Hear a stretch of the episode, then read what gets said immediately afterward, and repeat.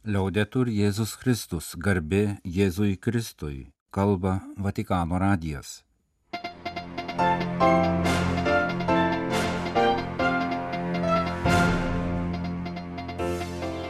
Malonūs klausytojai šioje antradienio balandžio 11 programoje pasirengimai popiežiaus vizitui Vengrijoje. Naujame veikale pokalbis su popiežiumi apie egzorcizmus. Nazareto reabilitacijos centras Ukrainoje - natūrali aplinka padeda gydyti priklausomybės. Pradedamos trijų bažnyčios Korejoje vadovų beatifikacijos bylos.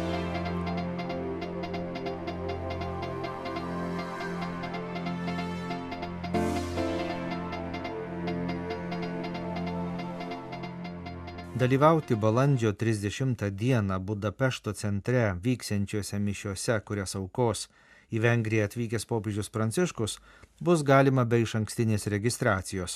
Apie tai pranešė Vengrijos vyskupų konferencija. Sekmadienio mišios priešais garsų į Budapešto parlamento pastatą bus svarbiausias popiežiaus trijų dienų vizito balandžio 28-30 dienomis įvykis kad mišiuose galėtų dalyvauti kuo daugiau žmonių, gretimose gatvėse bus įrengti vaizdo ekranai. Budapešto arkivyskupas kardinolas Peteris Erdo paragino Vengrijos tikinčiuosius gausiai dalyvauti mišiuose ir kituose susitikimuose su Pranciškumi. Pasakykite popiežiui, tokiu šūkiu Vengrijos jėzuitai renga klausimus popiežiui Pranciškui, kuriuos ketinama užduoti per privatų popiežiaus susitikimą su jėzuitais numatytą balandžio 29 dieną Budapešte. Ko paklaustumėte popiežiaus, jei turėtumėte galimybę tai padaryti per spaudos konferenciją popiežiaus lėktuve skrendančiame iš Romos į Budapeštą ir atgal į Romą, rašo Vengrijos jėzuitai. Norintieji gali siūsti savo klausimus. Pagal juos Vengrijos jėzuitai pasirenks susitikimui su popiežiumi. Susitikimai ir privatus pokalbiai su vietos jėzuitais yra kiekvienos popiežiaus pranciškaus apaštališkosios kelionės programos dalis. Privataus pokalbio tekstą netrukus po popiežiaus vizito paskelbė italų jėzuitų žurnalas La Civiltà Cattolica bažnyčios aktualijų apžvalgininko ir italų televizijos žurnalisto Fabio Marchese Ragona veikale apie apsėdimus egzorcistai prieš šetoną pristatytas autoriaus pokalbis su popidžiumi Pranciškumi. Žurnalistas kovo 11 dieną knygynuose pasirodžiusiame leidyklos pieme išleistame veikale teiravosi popiežiaus apie jo patirtis egzorcizmų sferoje, apie apsistuosius, velnio išvarimo patirtis, apie piktojo užpuolimus, taip pat Vatikane. Ir ar reikia bijoti velnio? Tai buvo dar vienas iš autoriaus klausimų popiežiui, kuris patikino, kad velnės visada siekia žmogaus prapulties, tačiau jei yra malda, jo pastangos beviltiškos. Pokalbis prasideda nuo pasakojimo apie vienos velnio apsėstos vienuolės liudyjimą. Popiežius sakė, kad asmeniškai nesusipažinęs su šiuo atveju ir todėl negali jo įvertinti, tačiau patikino, kad tikrai gali suerzinti velnę, nes stengiasi sekti viešpačiu ir daryti tai, ką sako Evangelija, o tai velnę erzina. Jis aiškiai patenkintas, kai padarau kokią nuodėmę. Jis visada siekia žmogaus prapulties. Tačiau jei yra malda, jo pastangos bergždžios, sakė popiežius. Paklaustas apie asmeninius susidūrimus su demonų apsistaisiais, popiežius sakė, kad buvo keli atvejai Buenos Airese, kai į jį tuomet vietos arkivyskupą kreipėsi žmonės, mane esą velnio apsėsti Jis juos nukreipė pas du kunigus egzorcistus, kurie vėliau sakė jam, kad keli iš jų tikrai buvo velnio apsėdimo aukos, o kiti kentėjo nuo apsėdimo įsivaizdavimo. O tai yra visai kas kita, nes velnės nebuvo įsiskverbęs į jų kūną. Svarbu tai patikslinti, pažymėjo Pranciškus. Jis pripažino, kad popiežiaujant jam neteko daryti egzorcizmų, bet jei reikėtų, kreiptųsi pagalbos į patyrusius egzorcistus. Anot veikalo autoriaus, kai kurie žmonės yra sakę, kad Benediktas XVI patyrė velnio užpuolimus, kentėjo, tačiau atlaikė. Autorius priminė ir tai, kad 1972 metais popiežius Šventasis Paulius VI pasakė, kad šetono dūmai įsiskverbė į Dievo šventyklą. Taigi klausimas, ar velnės gali veikti Vatikane ir puldinėti popiežių. Demonas tikrai bando užpuldinėti visus, neskiria, bet taiko ypač į turinčius daugiau atsakomybės bažnyčioje ir visuomenėje. Jėzus irgi buvo gundomas Atminkime ir apaštalo Petro atvejį, kai Jėzus jam pasakė šalin šetonę. Taip pat ir popiežius yra piktojo puldinėjimas. Esame žmonės ir jis visada bando užpulti. Tai skaudu, tačiau priešais maldą jis negali nieko. Komentuodamas Pauliaus šeštojo pasisakymą, Pranciškus pripažino, jog tai tiesa kad velnės gali įsiskverbti ir į Dievo šventyklą, kad pasėtų raugės ir vienus su kitais supriešintų. Supriešinimas ir užpuolimas visada yra velnių darbas. Jis siekia apsėsti, kad sugadintų žmogaus širdį ir protą. Vienintelis išganimas yra sekti Kristaus nurodytų keliu, sakė popiežius. Ar reikia bijoti velnio? Popiežius patikino, kad yra labai pavojingų demonų. Juos pavadino išprūsusiais velniais. Taip pat Jėzus apie juos kalba Luko Evangelijoje. Išvaroma piktoji dvasia klaidžioje dykvietėje, paskui neturėdama ką veikti, ilgisi sugrįžti į ten, iš kur buvo išvaryta, tačiau sugrįžta ne viena, o su kitais piktais demonais ir klastingai vėl ten pat apsigyvena siela, kuri nebesirūpina sąžinės apskaita, to nepastebi.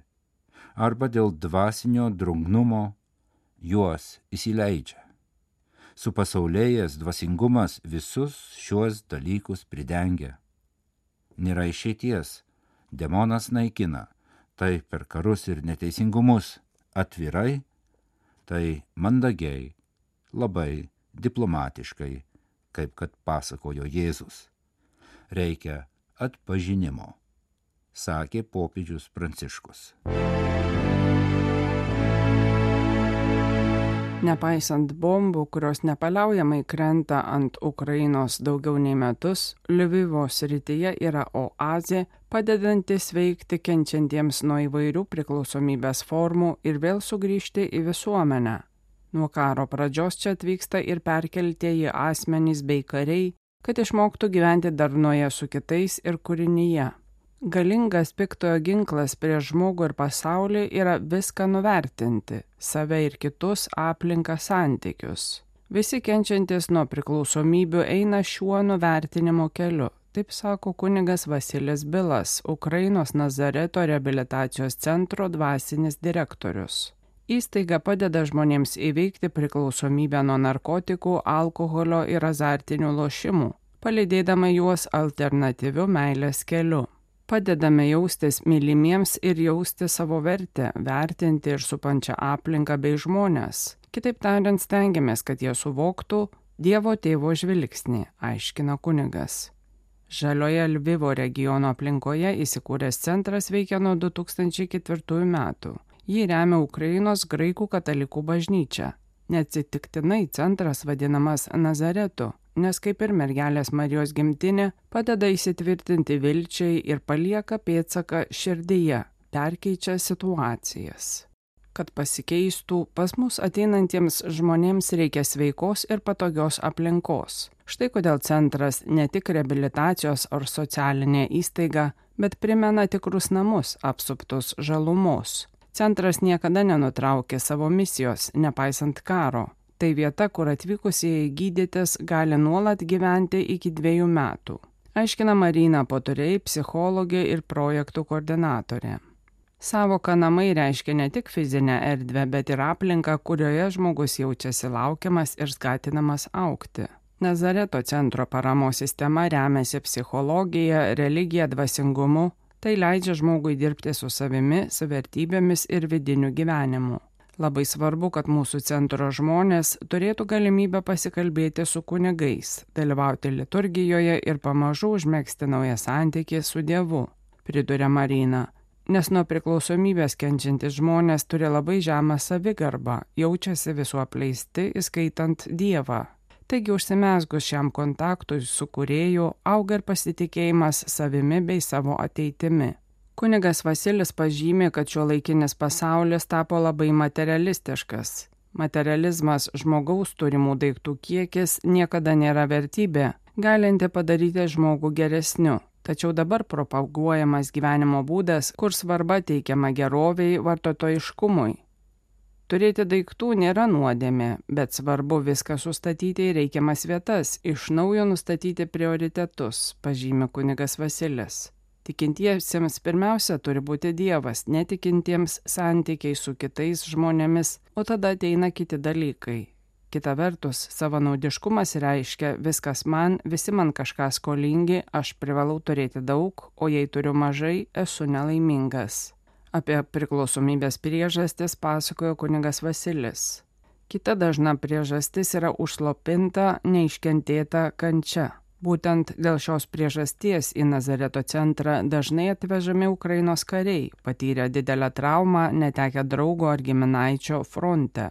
Centre kariai priimami nuo 2015 metų. Labai dažnai kariai lieka vieni su savo sielvartu, sako kuningas Vasilis ir paaiškina. Grįžę namo atostogauti, jie apie tai nekalba, nes mano, kad niekas jų negali suprasti. Ir iš tikrųjų, kaip kas nors gali paaiškinti neapykantą, siaubą, mirtį. Daugelis tada bando anestezuoti skausmą, kurį nešiojasi viduje, gerdami ar vartodami narkotikus. Tačiau svarbu ne nutildyti tą kančią, o išgyventi ją iš naujo, perkeisti su kieno nors pagalba. Štai kodėl Nazareto centras jiems tampa savotiška buferinė zona tarp mūšio lauko, iš kurio jie atvyko, ir jų namų. Taigi jie kurį laiką pasilieka su žmonėmis, kurie gali padėti įveikti šį skausmą, kad jie galėtų ramiau grįžti namo ar grįžti į visuomenę apskritai. Priklausomybė nuodėja keletą žmogaus gyvenimo aspektų, vienas reikšmingiausių yra santykiai su kitais. Nazareto centre žmonės vėl mokosi kurti ir palaikyti santykius, rūpintis savimi, kitais ir taip pat juos supančią aplinką. Prasidėjus karui Ukrainoje Nazareto centrą pasiekė nemažai prašymų iš perkeltųjų asmenų, bėgančių iš kovos zonų. Centro vadovybė nusprendė juos priimti, nes turėjo atskirą tinkamą pastatą. Nuo karo pradžios dalis perkeltųjų čia buvo apgyvendinti kelioms dienoms, kiti išbuvo mėnesius, neturėdami kur daugiau eiti. Čia jie subūrė savo nedidelę grupę, bet taip pat bendrauja su visa Nazareto bendruomenė. Kartu jie dirba sodė ir dalyvauja mišiose. Marina Poturai sako, kad dažnai atsitinka taip, kad po kelių dienų ar savaičių kai kurie perkeltieji prieina prie vieno iš šių globojimų žmonių ir klausia, mums sakė, kad čia yra narkomanai, bet ar žinote, kur jie? O žmogus šipsodamasis atsako, aš esu vienas iš jų. Seulo arkiviskupija nutarė pradėti trijų buvusių bažnyčios Korejoje ganytojų paskelbimo palaimintaisiais ir šventaisiais eigą. Sprendimas priimtas kovo 28 dieną per arkiviskupijos beatifikacijų ir kanonizacijų komiteto posėdį. Vienas iš trijų kandidatų į šventosius yra 2009 metais miręs kardinolas Stefanas Kimas Suhuanas, ėjęs Seulo arkivyskupo pareigas nuo 1968 iki 1988 metų.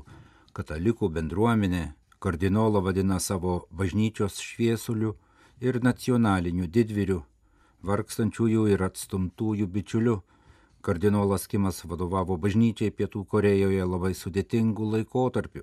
Nepaisant įvairių sunkumų ir išmėginimų, taip pat politinių iššūkių, karinio režimo valdymo laikotarpiu, kardinolas pripažįstamas sumaniu lyderiu, sustiprinusiu bažnytinę bendruomenę ir pagarbą žmogaus teisėms. Be kita ko 1979 metais jis perspėjo per karinį perversmą į valdžią atėjusi prezidentą Hūną Dohuaną, jo veiksmus palygindamas su nusikaltelių susišaudimais westernų filmuose.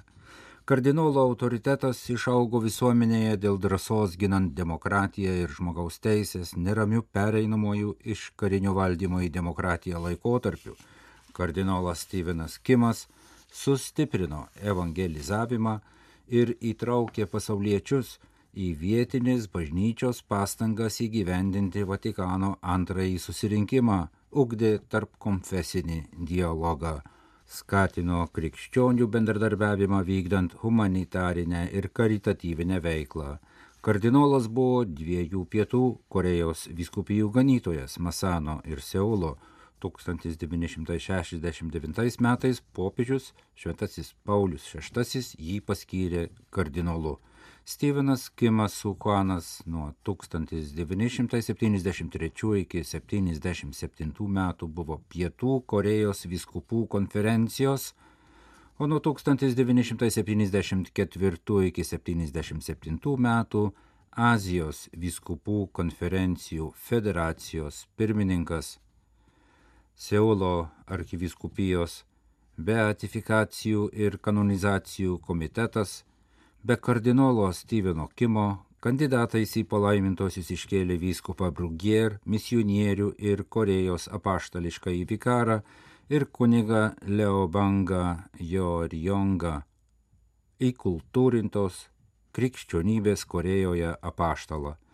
Vyskupas Brugier, Paryžiaus užsienio misionierių dvasininkas, buvo pirmasis Korejos apaštališkasis vikaras ir pirmasis Siamo vyskupas koadjutorius dabartinėme Tailande. Jis mirė Kinijoje ir ten buvo palaidotas 1931 metais. Jo žemiškiai palaikai buvo perkelti į Seulą. Kunigas Leo Bangas, įkultūrintos krikščionybės Korejoje pradininkas, ir naujo pašvestojo krikščioniškojo gyvenimo stiliaus ugdytojas kūrė krikščionybės Korejoje viziją Japonijos imperijos valdymo laikotarpiu, kai beveik visi vietinės bažnyčios vadovai buvo užsienio misionieriai. Kunigo bango įsitikinimu veiksmingiausias būdas skleisti krikščionišką tikėjimą Korejoje - tai daryti korejiečių kalba ir remtis jų mąstyseną. Šiam tikslui jis 1946 metais Geseonge, dabartinės Šiaurės Korejos teritorijoje, įkūrė palaimintųjų Korejos kankinių seserų kongregaciją, o po keliarių metų palaimintųjų Korejos kankinių kunigų kongregacija, kuri yra pirmoji korejietiška pašvestųjų vyrų kongregacija.